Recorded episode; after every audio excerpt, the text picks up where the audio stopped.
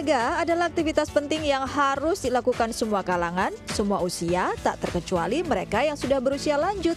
Beragam jenis olahraga pun bisa jadi pilihan.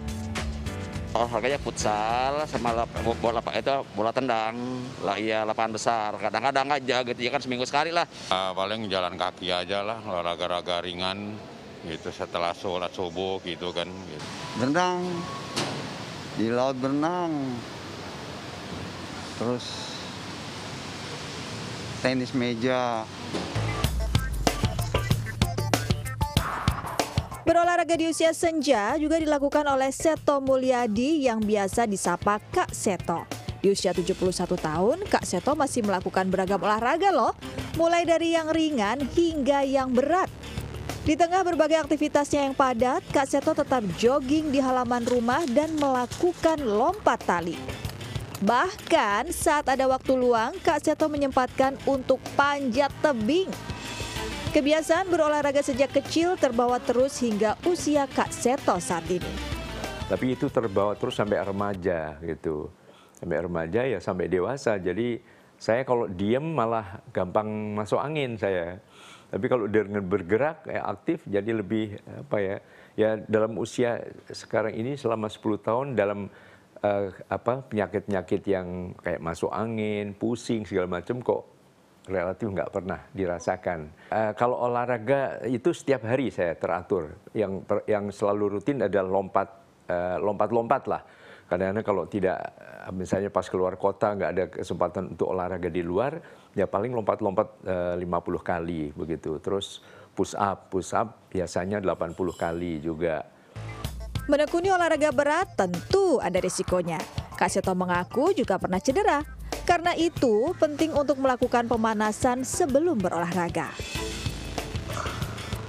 Ya, ini salah satu hal yang penting ketika mau olahraga adalah pemanasan ya Kak Seto ya. Betul, betul. Karena ini untuk menghindari cedera. Memang Kak Seto sendiri pernah cedera? Boleh cerita? Iya pernah pada waktu habis panjat tebing kemudian coba lompat dari tempat sekitar 4 meter tapi ya kurang apa siap begitu ya akhirnya mengsle ya lututnya tiga bulan lah kami di, coba diurut begitu ya jadi intinya memang upaya untuk pemanasan warming up ini sangat penting sekali. Oke.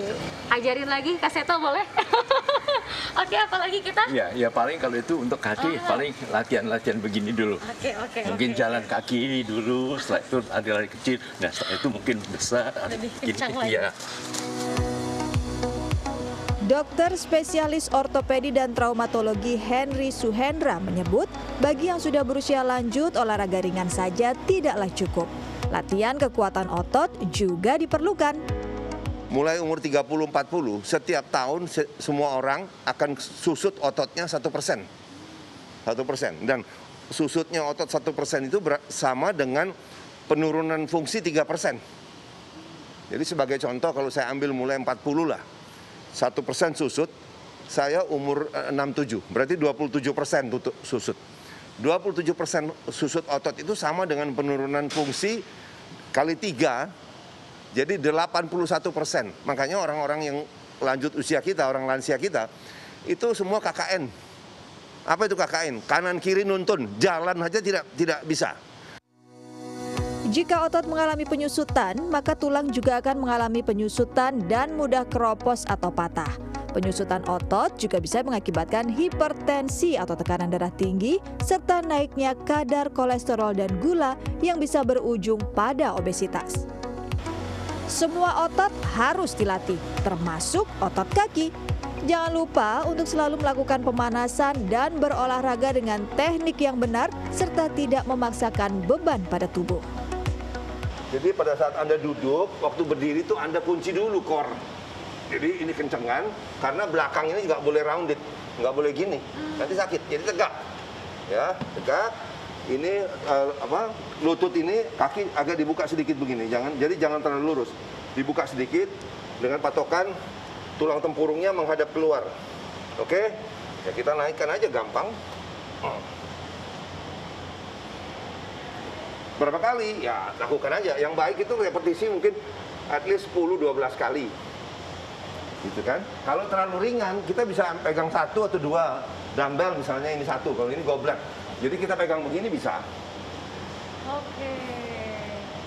Itu kalau sudah lebih kuat. Kalau belum belum terlalu kuat ya pakai berat badan sendiri.